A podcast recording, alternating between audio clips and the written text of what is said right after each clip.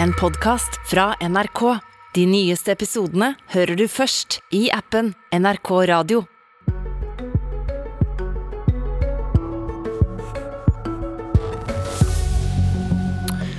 Jonas Gahr Støre ville egentlig jobbet for å gjøre livet bedre for vanlige folk. Men isteden jobber han for å begrense hvor mye dårligere livet til vanlige folk blir. Hans første tid som statsminister blir fortellingen om to kriser. Og den lykkelige slutten lar vente på seg.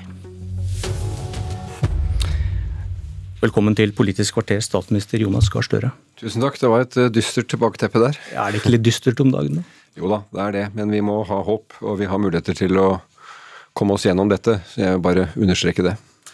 Eh, I dag har du den halvårlige pressekonferansen der du oppsummerer dine første måneder i regjering. Men eh, jeg antar at alle manus er kastet? Eh, nei, jeg har jo laget et nytt til dette. Men hvis du sikter til at vi har kastet alt vant ut og tatt nye ting inn, så er ikke det helt riktig. Jeg eh, har Hurdal-plattformen liggende i, i bånn, og eh, vi har håndtert to kriser, som du sier, og står i dem. Men vi er jo i gang med statsråden i regjeringen med å gjennomføre og igangsette politikk som vi har i den plattformen. Uh, og det er jeg veldig tilfreds med at uh, kommer i gang, for det er jo store prosjekter om arbeid, uh, sterkere velferdsstat, det grønne skiftet, industriutvikling. I går besøkte næringsministeren og jeg eh, avfallshåndtering i Drammensområdet og så hvor fantastiske ting som skjer innenfor sirkulær økonomi osv. Så, videre. så vi, vi, er i gang med det. Men når det kommer uh, situasjoner som intensiv smitteutvikling uh, eller rekordhøye strømutgifter, så er ikke det noe du kan legge til side. Da må vi håndtere det, og det har vi brukt uh, tid og krefter på. Og den største krisen, det er omikron. Men det var en varslet krise. Hør hva Espen Nakstad sa i sommer.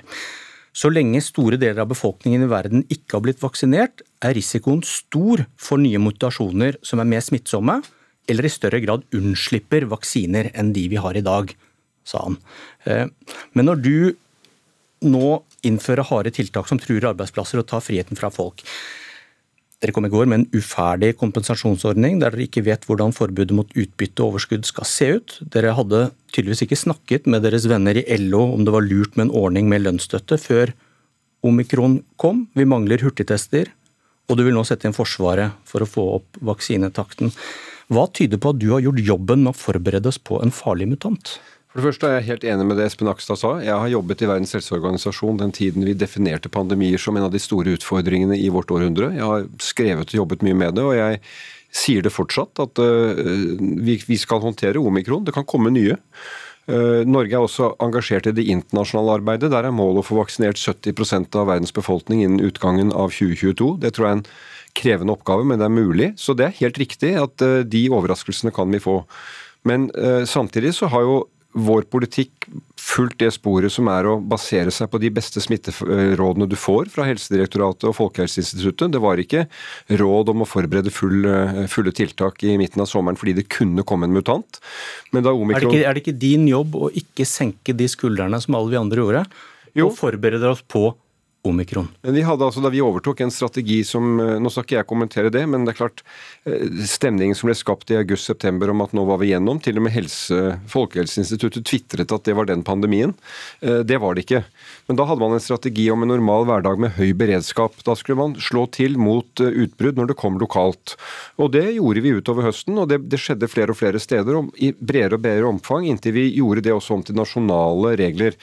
Men omikron kom. Det kom til Norge faktisk før mange andre land med et kraftig smitteutbrudd. Og da må man handle på det, det grunnlaget. Jeg er jo ikke Men det kom som en overraskelse? Du hadde ikke ja, forberedt deg på dette? Eh, jo, altså jeg hadde forberedt meg på det at eh, På hvilken måte?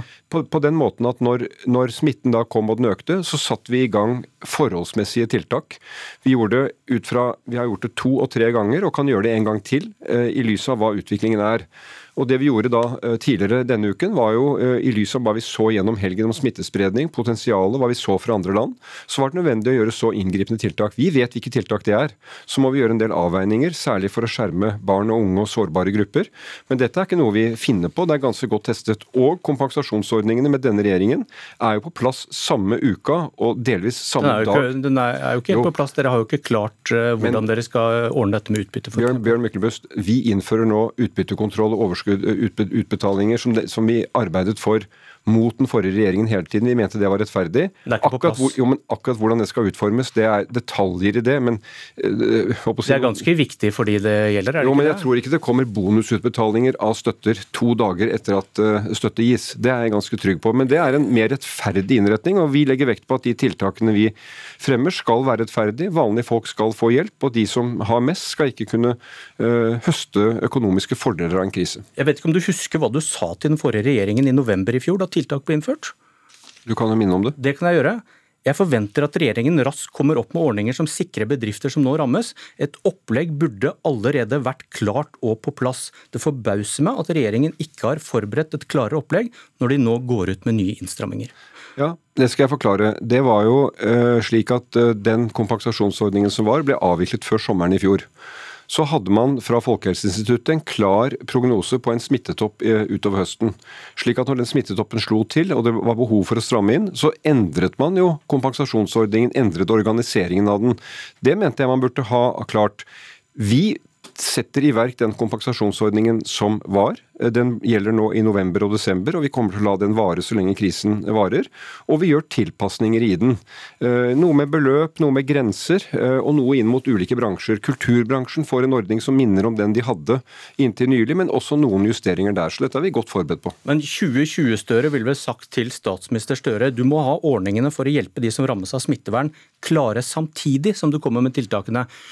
Utbytte er ikke klart, eh, lønnsstøtte er ikke klart. Det har LO måttet presse dere til. har du snakket med partene i arbeidslivet før omikron kun? Hva gjør vi hvis det kommer en, eh, ja, kommer vi, har, en mutant? Vi har hatt den dialogen veldig grundig, og vi skal ha altså Bare for å ta det. Eh, lønnsstøtte er et, et grep som må gjennomføres på en ordentlig måte, slik at den virkelig treffer. Det er jo poenget med disse ordningene. De må være treffsikre den kompensasjonen... Men dere var jo mot, så det her har dere ikke forberedt noe som helst og ikke snakket med LO om at vi gjør det sånn hvis krisa treffer igjen? Jo, men vi har jo hatt den dialogen med LO og med NHO og partene om lønnsstøtte uh, gjennom uh, egentlig hele året, uh, og, og, vi tror det kan være noe vi nå kan innarbeide i støtten. Men da omikron kom, og vi får antageligvis bransjer som blir mye hardere rammet direkte, så er det også viktig at vi har et permitteringsregelverk, varighet for de som blir permittert, at de blir permittert med en inntektssikring og en varighet som gir dem trygghet. Så jeg mener vi har gode ordninger som vi har satt i verk. Og så gjør vi etter samtalen med partene justeringer eh, som gjør dem mer treffsikre.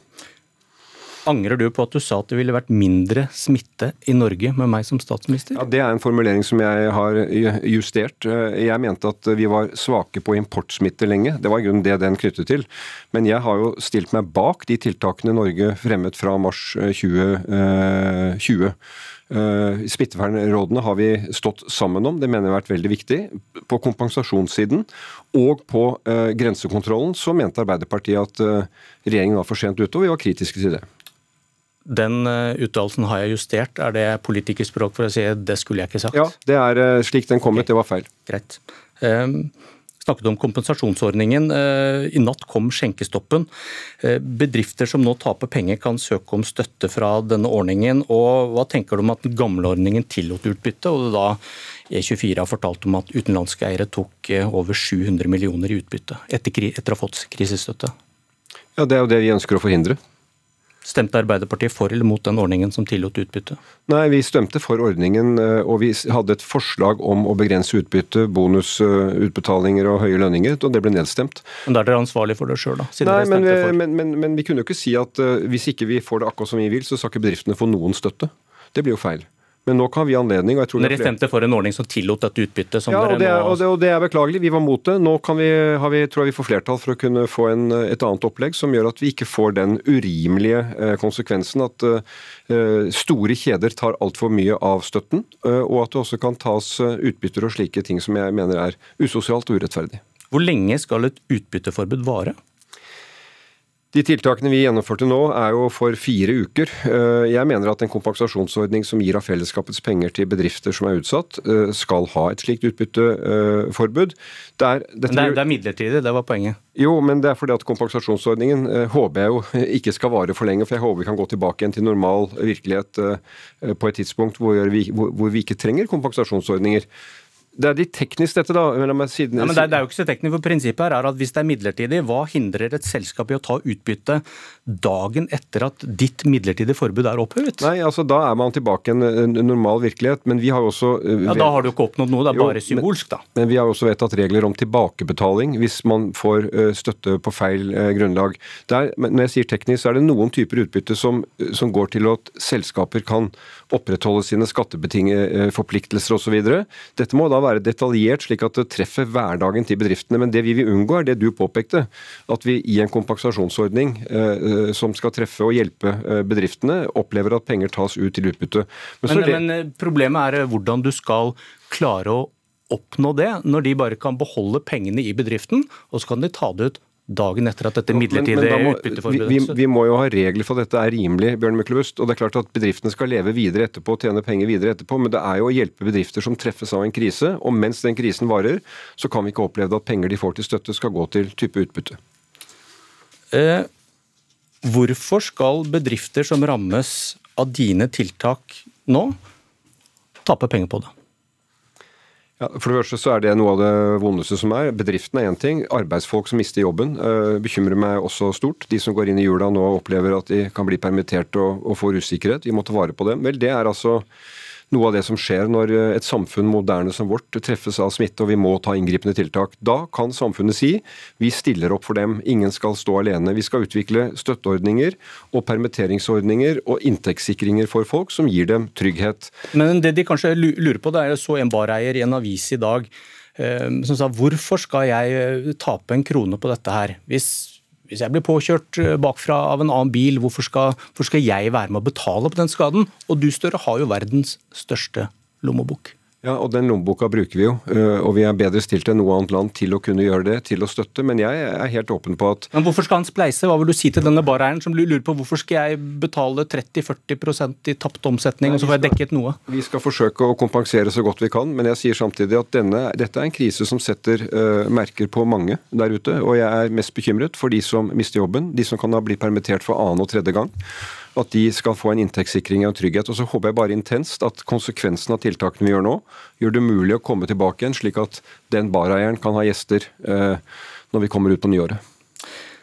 Som en avslutning, og som kanskje noen lurer litt på når du en gang sitter her i dag, en tredje liten krise som kan ramme deg kanskje. da. I går ble det kjent at eh, Jens Stoltenberg, tidligere leder i Arbeiderpartiet, din venn, søker jobben som sentralbanksjef.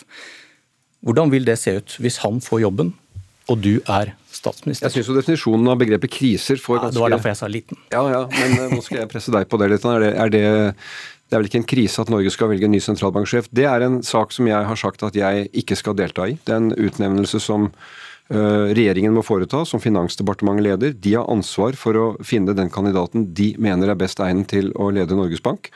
Siden jeg har et langt kjennskap til Jens Stoltenberg, så har jeg sagt at den saken kommer ikke jeg til å delta i regjeringen. Verken i prosessen eller beslutningen.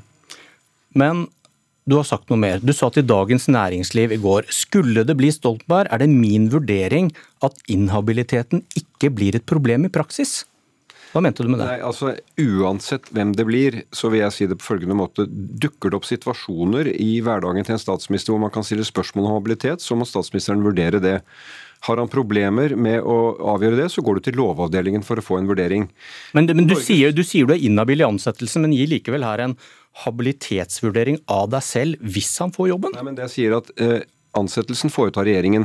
Og fordi jeg har et nært forhold til Jens Stoltenberg, så kan ikke jeg delta i det.